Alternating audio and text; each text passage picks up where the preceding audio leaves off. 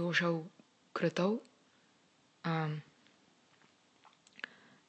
दिशः बहुवचनरूपे अस्ति अतः दिशः यस्य वस्त्रं दिशान्तपर्यन्तं व्यापृतम् अस्ति इति भवितव्यं तथा दिशः